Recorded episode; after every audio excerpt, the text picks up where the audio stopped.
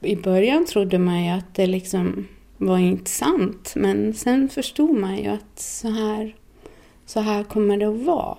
Det är många som reagerar på alla möjliga konstiga sätt. Om man inte vill diskutera sjukdomarna ingående så fråga hur man mår i alla fall.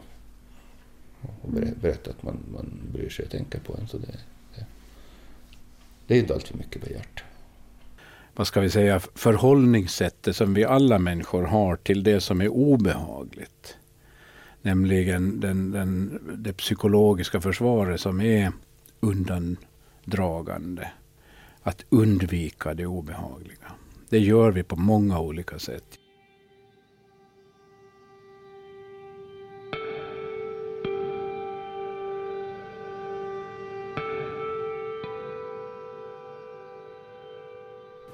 Du lyssnar på månadens dokumentär Det här fixar vi. En berättelse om livet med cancer. Av mig, Nina Eriksén.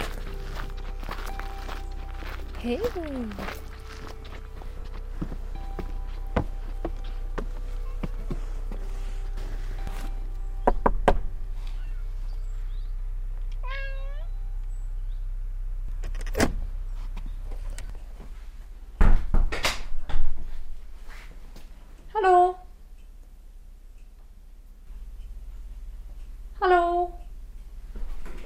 Är någon hemma? Hallå? Hej! Ja, du ska prata med morsan va? Ja, om det är så att Karina bor här så. Ja, det gör hon. Ja. Egentligen, det vet jag inte. Nej, okej, okay, men jag är lite tidig också. Jag brukar vara lite sen så att... Eh, men jag tror eh, att det kanske var din pappa som körde traktor där. Det kan de inte vara.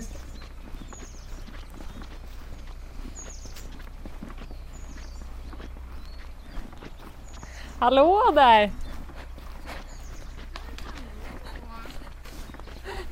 Ingen vet vart du är. Ingen vet vart du är och så står du här. Har du varit inne i huset? Ja, jag har träffat din son och din man och kollat på fåren.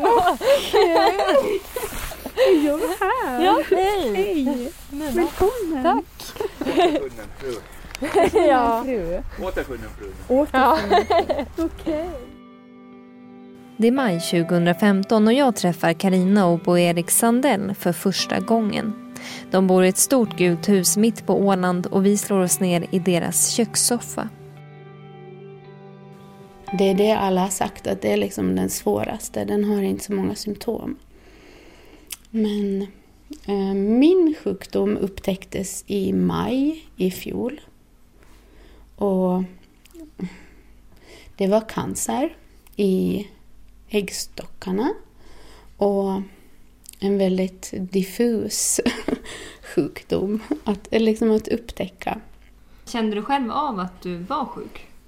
Nej, jag kände mig inte alls sjuk utan det enda jag kände var att eh, jag har ett väldigt fysiskt jobb där man gör många tunga lyft och så. Och då kände jag att min, mina magmuskler inte riktigt funkar som de skulle. Så det var väl egentligen därför jag sökte mig till hälsocentralen. Och när jag väl kom dit så, så gick det väldigt fort. och de upptäckte med en gång då att jag har en jättestor tumör på mina äggstockar. Då.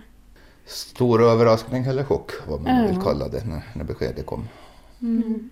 Mm. Och sen blir det ju alltid den här en, en knöl eller en tumör är ju en sak men sen då finns det väldigt många grader av det då som ju gör det också att man får ju inte en, en vad ska jag säga, säker, säker diagnos och prognos direkt heller utan det blir ju ett väldigt väntande.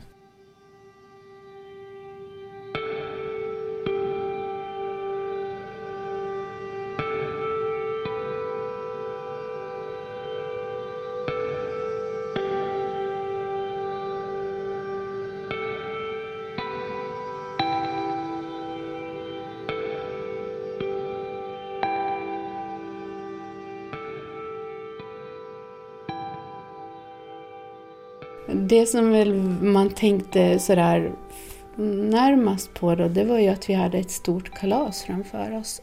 Min man skulle fylla 50 år och vi ska ha 50-årskalas. Så det första vi fick göra var att sätta oss ner och ringa runt till 120 gäster och berätta att det blir inget kalas utan det blir en operation istället. Sa ni det till alla då? Ja, man måste ju göra det. Ja, men det är Mm. många som inte gör det, som jag inte tror skulle, skulle säga att, att man är sjuk och sådär. Men, men det måste man ju säga. Man kan ju inte titta på någonting eller? Utan man måste ju säga som det är.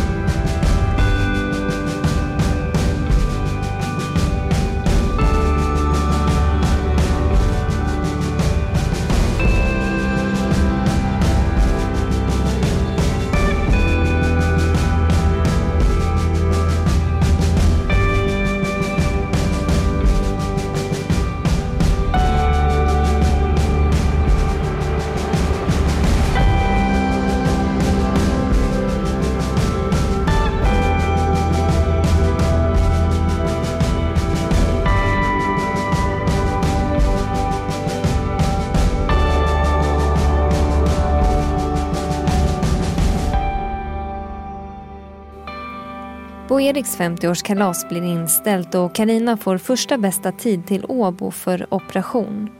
Hon har en elakartad tumör men de är långt ifrån att ge upp. Ja, egentligen eh, som jag alltid brukar tänka, det här fixar vi. Det. Tänkte du också så? Jo, det tänkte jag. Man- måste ju ha den inställningen att, att, att det går bra och sen också mycket eh, man hör om många som, som tänkte googlar ihjäl sig när de blir sådana här. De ska läsa på om allt och man ska ifrågasätta allt och så vidare. Och, och jag tycker man kan inte göra på det sättet heller utan man måste ha en grundinställning att det här ska ordna sig. Det här vet vi idag och eh, sen när nästa besked kommer så då tar vi tur med det och så, så, så går vi vidare helt enkelt. Så har vi väl egentligen haft, Jo. haft den inställningen hela, hela tiden. Så funkar ju jag som människa också. Att jag, jag, liksom, jag tar ett steg i taget. Och gör det man kan för stunden. Och sen tar man, ta, tar man nästa te, steg och så ordnar man upp det. Att jag är inte den där som är jättelångt i förväg utan jag försöker vara här och nu istället. Blev det ändå mer så då när du blev Mm. sjuk? Jo, det tycker jag nog. För det är ju det också att då, då blev man ju hemma också. Och då kunde man ju verkligen släppa allt det här jobb och, och sånt. Och jag försökte också dra ner på andra grejer då. Att istället fokusera på det här då. Att nu fixar vi det här. Tar itu med det här.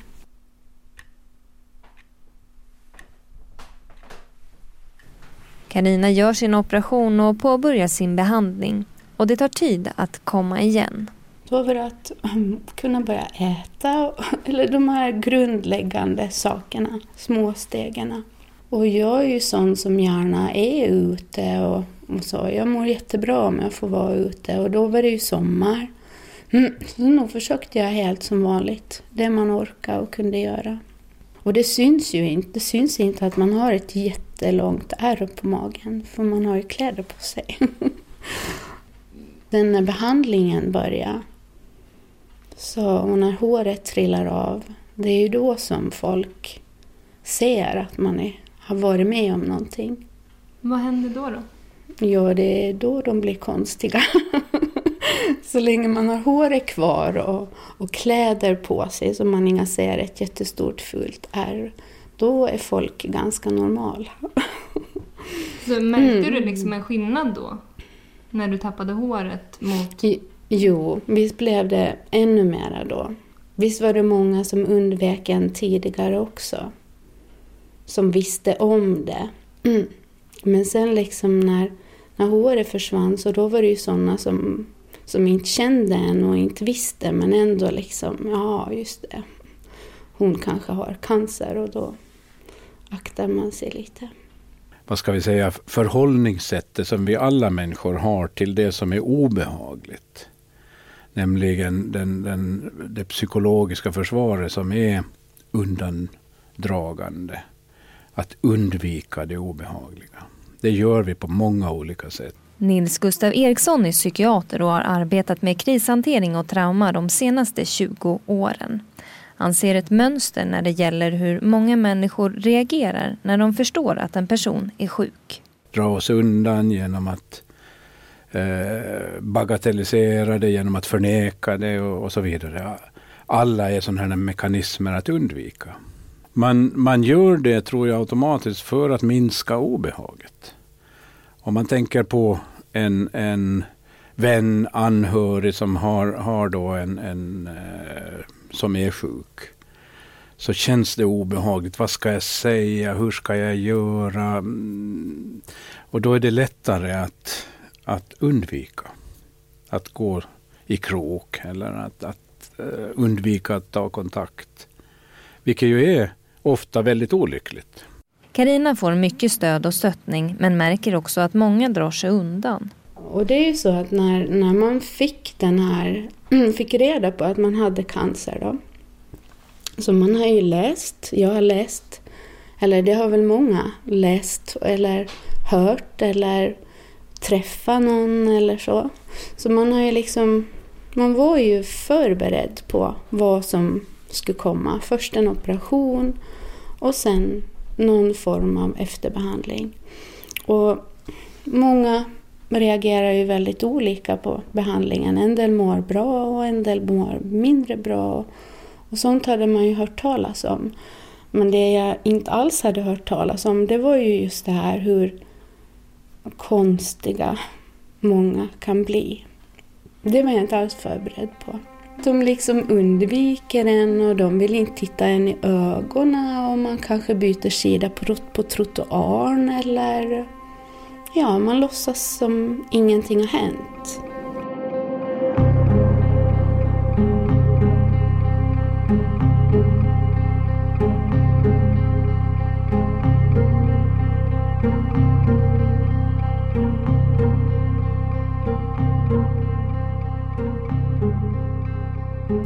Det är klart man märkte ju när vi var tillsammans och vi träffade folk så visst märker man vissa klarar av att diskutera sådana här saker och, och frågar hur det är och, och är nyfiken och vill veta med den andra gärna pratar om väder och vind och, och annat. Så på det sättet märkte man nog av det och visst det ser man ju lite, lite blickar sånt när utseendet förändras. Så är det ju. Men, så visst märkte jag av det men inte klart Carina märkte av det mer konkret som ju är den som direkt vart undviken, det vart ju inte jag. Och säkert fanns det ju också sådana nu som, som undvek att fråga henne och pratade med mig istället. Och, och det är ju i alla fall bättre än att inte säga någonting, det skulle jag säga. Mm. Hur tänkte du då när det här hände, liksom, de här sakerna? Mm, hur jag... Ja...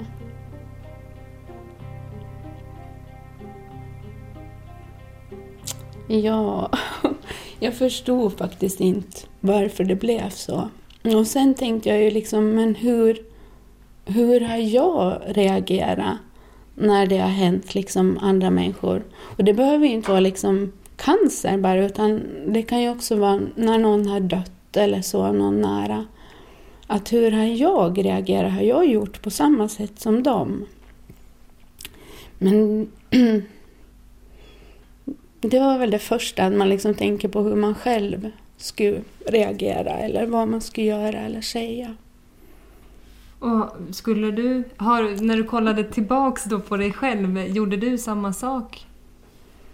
Eh, mm, det har jag ju också märkt med det här att, eh, att de, som, de som har haft svårast, det är kanske de i min egen ålder att de som är äldre, de har mycket lättare att rakt liksom säga eller fråga Och de unga människorna, mina barns vänner och så, de har också haft lättare. Och då, då har jag tänkt att jo, jag har också varit dålig på det här. Men man liksom, ju äldre man blir, desto mer grejer händer. Och man måste liksom ta tag i det och försöka bearbeta det.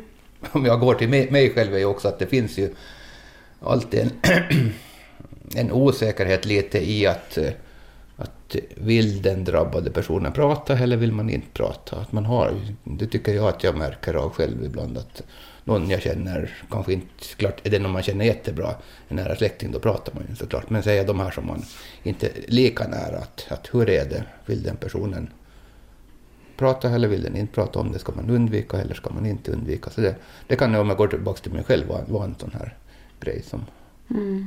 som, som kan vara en del förklaring till det här också. Psykiater Nils Gustav Eriksson vet hur olika reaktionerna kan bli. Att, att, dels är det för egen skull, men dels är det också av hänsyn till den sjuka. Eh, dels den sjuka kanske vill att man ska ta kontakt, men vill heller inte att, man, att, att, att, att omgiv, omgivningen ska ta kontakt. För man har också svårt att, att eh, prata om det som man har drabbats av. Mm. En del kan uttrycka lättnad. Åh skönt, då slapp jag prata om det. Andra kan känna, som jag också har hört en del människor säga, ja, nu vet jag vilka som är mina vänner och vilka som inte är det. Vännerna tar kontakt, men så tolkar man liksom det här undandragande. Det kan bli tokigt både om man inte tar kontakt och faktiskt också om man tar kontakt, säger Karina. Jo, och speciellt om man kanske var på fest och träffade folk som hade druckit lite. Då kunde det komma roliga saker. Men man får ju ta det för vad det är. Liksom. De försökte kanske fast det blev lite fel det de sa. Men vad kunde Mm. komma då? Roliga saker, det kanske är en definitionsfråga eller? Ja, men jag har, val- jag har valt att ta det så. Faktiskt. Men kommenterade man då Mm. hur du såg ut? Ja. Eller? Ja, att jag kanske skulle borde haft någonting på huvudet av, av hänsyn till andra människor och så. Hur, hur tänkte du när du hörde det? Då tänkte jag att... Eh, ja, det var på en fest som vi var på då. Och då tänkte jag, men det sitter ju många män här som har betydligt mindre hår än vad jag själv har. Och, och för dem är det helt okej att vara här och ingen säger någonting. Men jag ska gå hem och ta någonting på huvudet då. Var du kvar på den där festen eller blev du ledsen och gick hem sen? Nej, jag, jag blir väldigt sällan jätteledsen. Och när det sen är folk som kanske har druckit lite så då tar jag det inte heller så jättepersonligt faktiskt. Mm. Eh, Jag skulle ju gärna kanske diskutera men det inser man ju också att det är ingen idé att diskutera med, med folk som har druckit alkohol. Man, men gärna ta det på nyktert huvud, ja det, det gör jag gärna. mm. Då kanske de inte ens kommer ihåg vad man sagt. Vissa personer i Karinas närhet slutade helt att höra av sig när de förstod att hon fått cancer. Jo, visst är det sådana som har försvunnit och nu när HR kommer tillbaka så kommer de också tillbaka. Och vad tänker du om det då? Jag tänker att det är synd om dem egentligen. Det är ju liksom deras rädslor på något sätt. Men hur gör man då för att liksom för att komma tillbaks då, eller vad man ska säga att, att då försvinner det folk och sen så när man då up and going again så, så Mm. kommer folk tillbaks och då, då finns de där eller då vill de vara med dig och så men, men hur liksom hur, hur, hur blir man kompis med dem igen eller hur blir man är, är det svårt eller är det eller tänker du inte så? Förstår du vad jag menar? Jo, jag förstår vad du menar. Nej, men det är väl att man, man får ta det för vad det är. Och eh, jag vet ju då att händer det igen någonting så kan man inte räkna med de personerna. Eller så får man ta ett, en ordentlig diskussion med dem då, men det har jag faktiskt inte gjort ännu. Det har jag inte. Mm, det är ganska svårt också kan jag tänka mig att göra det. Jo. Och sen är det ju det också att jag kan ju förstå att det är folks rädslor. Men varför måste jag bära deras rädslor?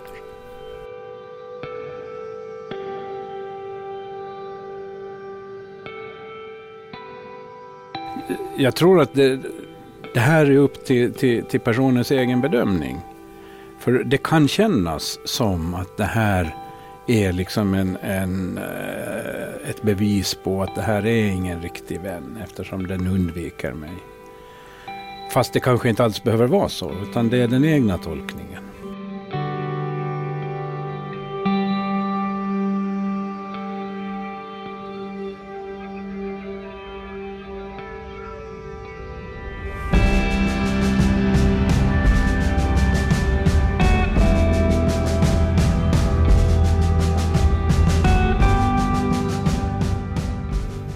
Det blir sommar 2015 och jag klipper ihop en dokumentär om Karina och Bo-Erik och behåller kontakten efter att projektet är klart. Det visar sig att Karina har fått höjda värden och hon påbörjar en ny cellgiftsbehandling.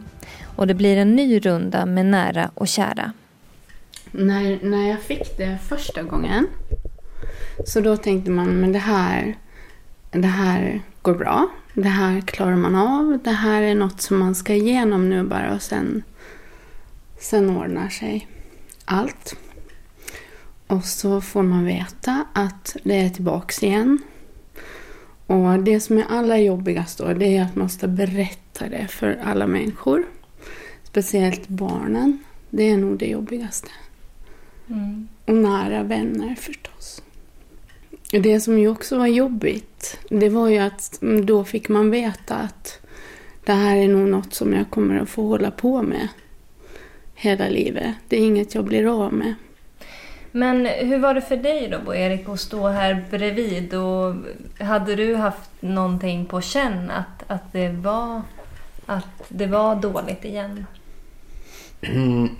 Nej, det vet jag inte om jag, kunde, om jag hade, utan det var nog... Eh, vi visste ju om allihop, båda två, eller allihop kan man väl säga, att, att det var en, den typen av tumör då som, som, som kan ge spridning och så man hade väl en, vad ska vi säga, en viss beredskap men ändå tyckte jag faktiskt att på ett sätt var det tuffare andra gången. När det ändå hade varit bra ett antal månader och, och man, man är väl obotlig optimist tyvärr ibland. Som, som man inte borde vara. Men, och så tyckte man sen att, att fasiken. När det såg så bra ut och sen blir det så här. Men det var ju ändå bra med alla täta kontroller och alltihop. Att det upptäcktes. För det fanns ju inte någon egentlig tumör nu andra gången. Utan det var ju bara någon liten början någonstans då som, som gjorde att det vätska sig och så vidare. Så. Men det kändes, med samma kändes det tuffare. Det tycker jag nog faktiskt att det gjorde.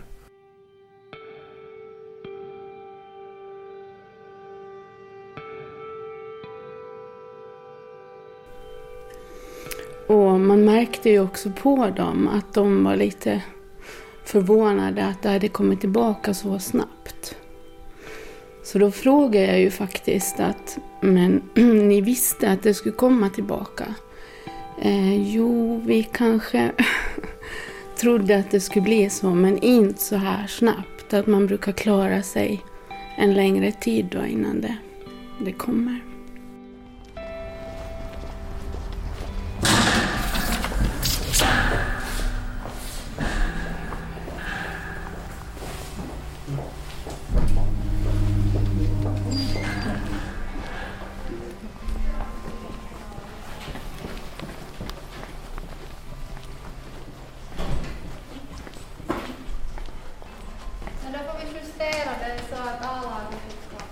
I oktober 2015 frågar jag Karina om jag får hälsa på henne på Ålands centralsjukhus där hon får sina cellgifter. Hon diskuterar med Bo-Erik och skriver sen i ett meddelande att det är bäst att vi gör det nu. Det kan ju vara för sent annars. Hej! Jag är på jakt efter Karina.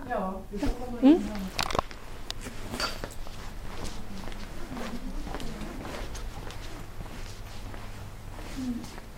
Hallå där! Hej! Är det här du är? Ja. Var det svårt att hitta? Nej, men det var liksom helt tomt.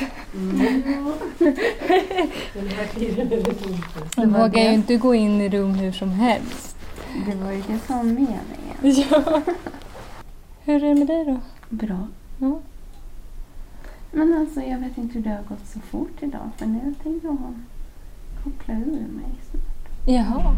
Jag, jag sätter på koksalten en stund nu, Mm. på en kvart. Mm. Och sen tar vi bort nålen Mm. efter det. Sen är jag fri. Sen är du fri. Ja, det låter väl bra. Ja. Sådär.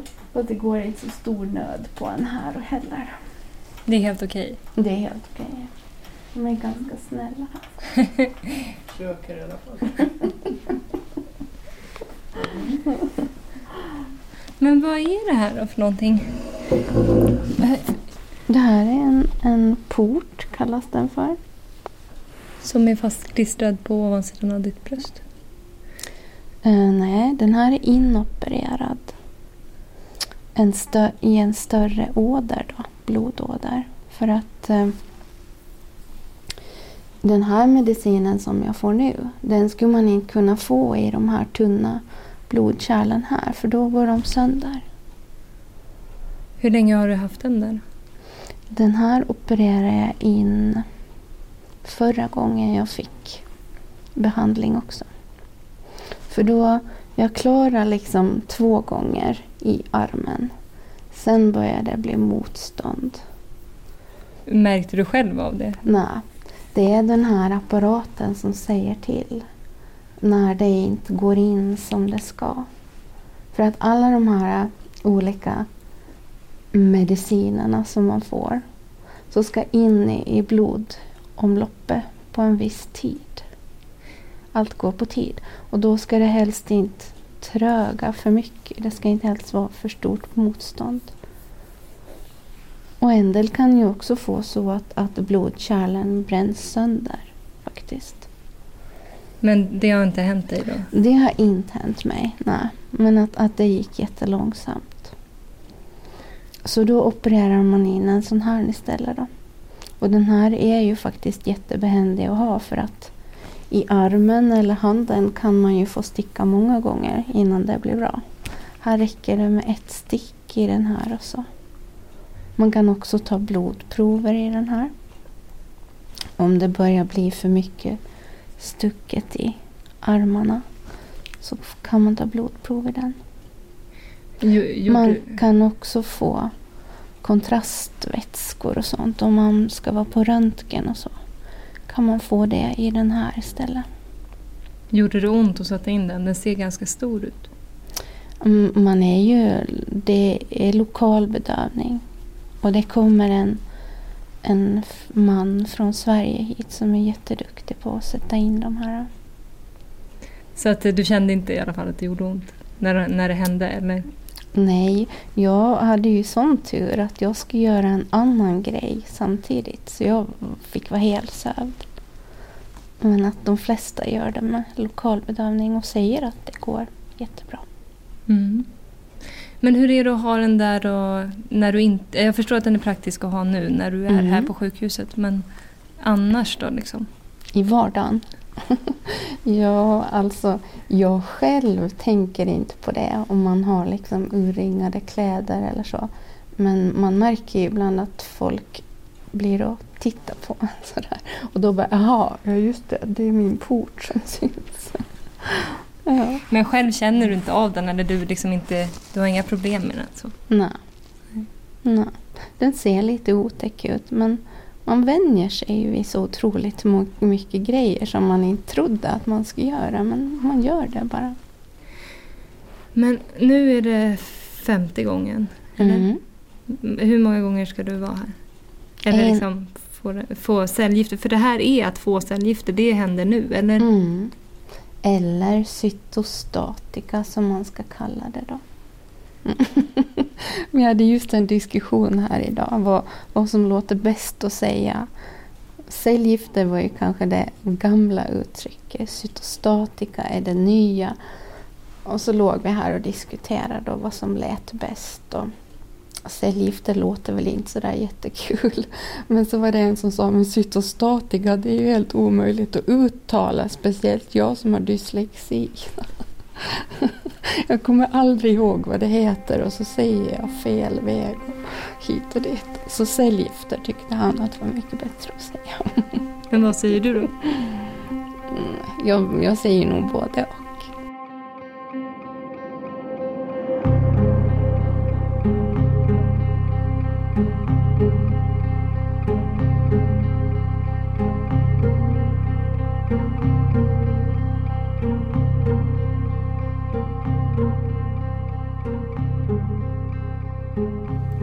Men eh, hur många timmar har du varit här idag? Jag kom hit klockan tio. Och nu är klockan fem på eftermiddagen. Nej, vad säger jag? Nu är klockan, Nu är klockan tre tror jag. nu är klockan tre på eftermiddagen. Ja. Mm. Och också man börjar ju alltid med lite olika Mm, medel mot illamående och sånt. Det är det man först får när man kommer hit. Och också att man spolar ur det här att allting, allting är rent och så. Och sen får man själva medicinerna. Och sen spolar de igen innan man går hem. Och sen måste jag, när jag kommer hem sen, då måste jag i några dagar ta just kortison och, och sånt mot illamående och biverkningar och sånt. Hur tar du det då? Tablettform. Men alltså hur många är det som har varit här i det här rummet idag? För nu är det bara du som är här. Mm. Idag har vi varit tre, det har varit tre stycken till här som har kommit och gått. För alla, alla har ju olika mediciner och de tar olika lång tid. Så därför så byts det av här. Jag är oftast den som ligger här längst. Vad beror det på? Just för att de här tar så länge då att komma in i blodsystemet. Men har de andra andra sorters eh, Mm. cancer? Mm, det också. Ja. Hur, hur brukar det vara här då? När, när ni är flera stycken? Liksom, Känner ni igen varandra? Är ni alltid här samtidigt? Eller? Mm, många är nog här på samma dag. Eftersom det, det går ju i intervaller då. Man har olika. Jag har som tre veckors intervall då. Så att några blir det ju att man träffar många gånger. Ja. Hur brukar vi- stämningen vara? Ja, vi har det bra här. Och sköterskorna är helt underbara faktiskt. Ja. Mm. Så det är lite hu- kanske lite tuff humor ibland men, men det är roligt. Vad brukar ni prata om då? Eh, faktiskt inte så mycket sjukdomar utan andra grejer. Idag var det väl lite politik och sånt som vi måste gå igenom inför det stundande valet. Då. Precis, det är väldigt nära och det är Ja. väldigt mycket politik. ja. ja. Var folk trötta på politiken? Eller? Mm, både och. Och sen är det ju roligt om det är skärgårdsbor här då. Det är alltid intressant att höra vad som händer där ute. Så ni har en liksom, liten eh, konferens här? ja. ja. Men visst finns det sådana också som, som blir väldigt trötta och kanske ligger och, och vilar och, eller sover eller så. Det beror ju också helt på vad man får för. För förra gången när jag fick en sån här behandling då. Då fick jag jättemycket uh, allergimedicin före då. Och den blir man ju trött av. Så då sover jag nog ganska mycket. Ja. Men nu blir jag inte trött. Nu får jag bara kallt. Så du ligger där och fryser alltså? Ja, För det är inte riktigt så där kroppstempererat det som är i de där påsarna. Då man får lite kallt. Ja. Mm. Och inte verkar du ha någon filt eller? Men Jag har ullesockor, jag har ulletröja, jag har halsduk. Så du, du har garderat dig? Ja. Men du verkar inte ha med dig så mycket annat? Inga böcker och sånt där? Eller? Jo, och stick. Idag har jag virka faktiskt. -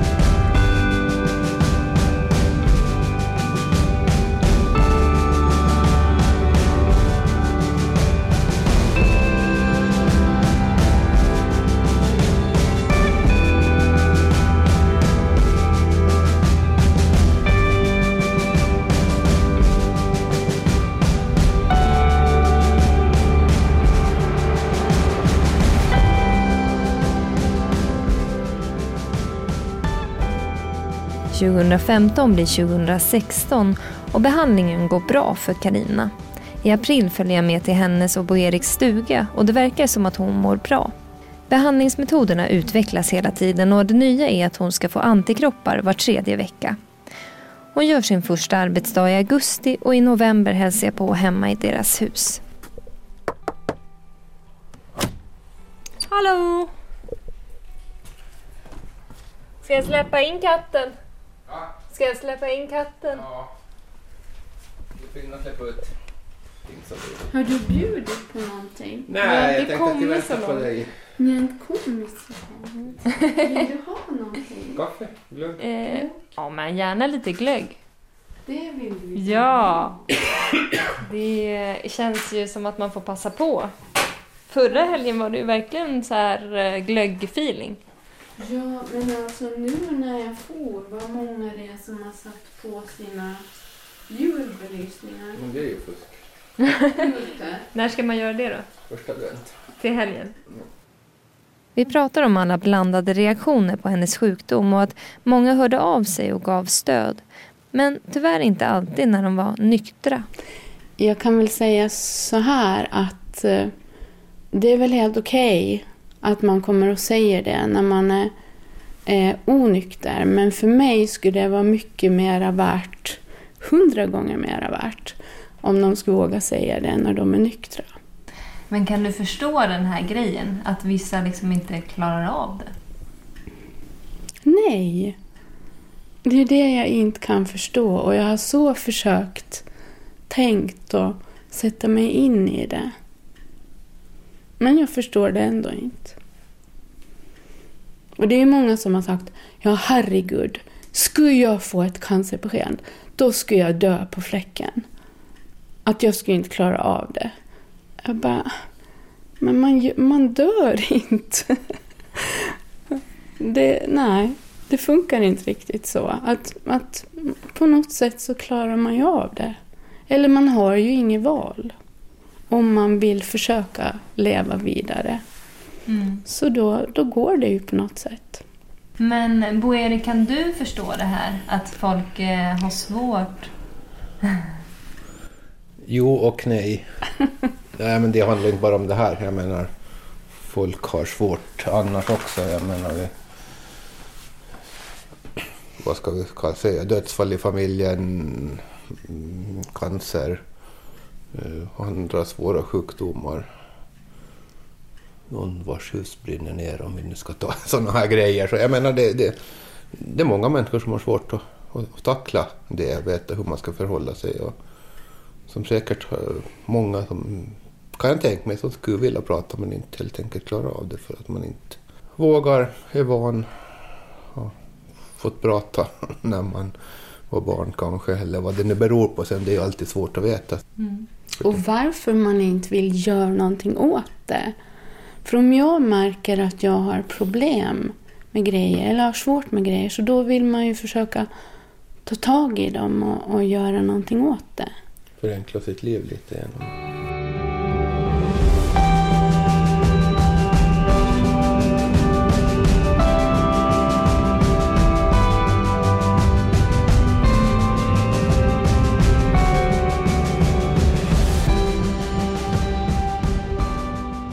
Carina och Bo-Erik har hela tiden varit väldigt positiva genom hennes sjukdom.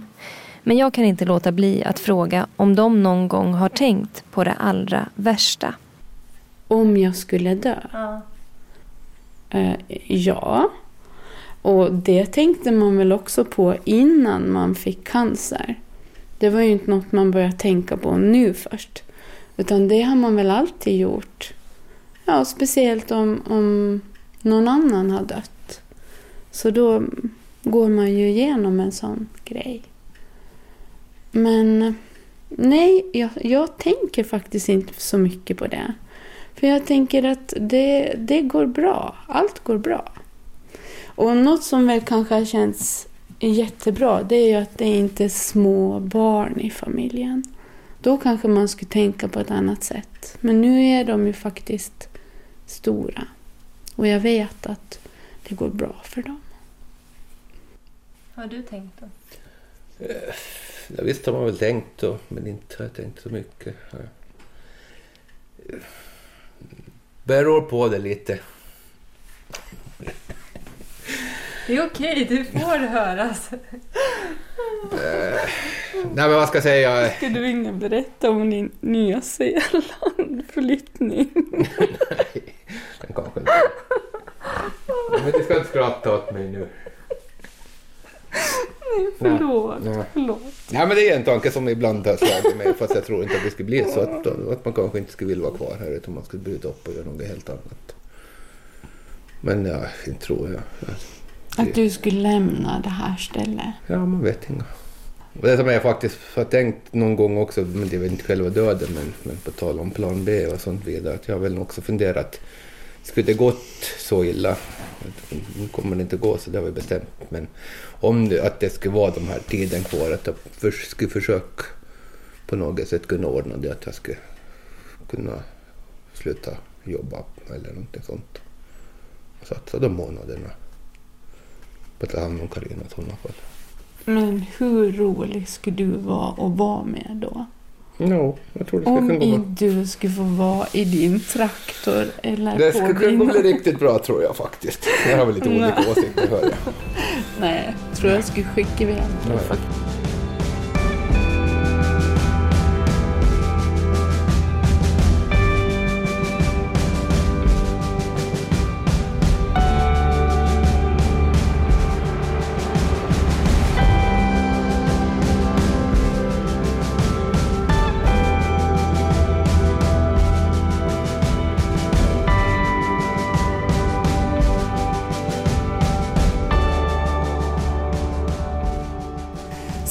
Sen märker jag ju med mig själv att jag, jag har fått så otroligt dåligt tålamod med gnällmånsar som har det så otroligt bra.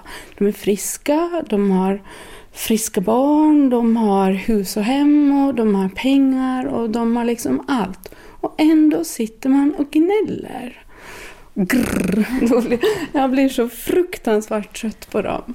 Ja, och vi, det är så jättemånga som så lätt fastnar i det där och bara sitter och ja, hittar på allt möjligt och gnälla över. Nej, sluta med det. ibland kan jag hålla mig tyst. och ibland kan jag inte hålla mig tyst.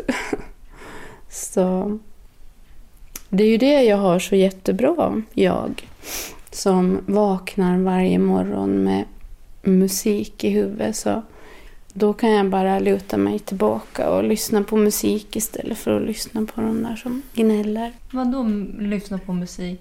Menar du att du har, du tänker dig musik? Nej. Varje morgon innan jag vaknar, innan jag är riktigt vaken, så har jag en sång i mitt huvud. Och den följer mig hela dagen.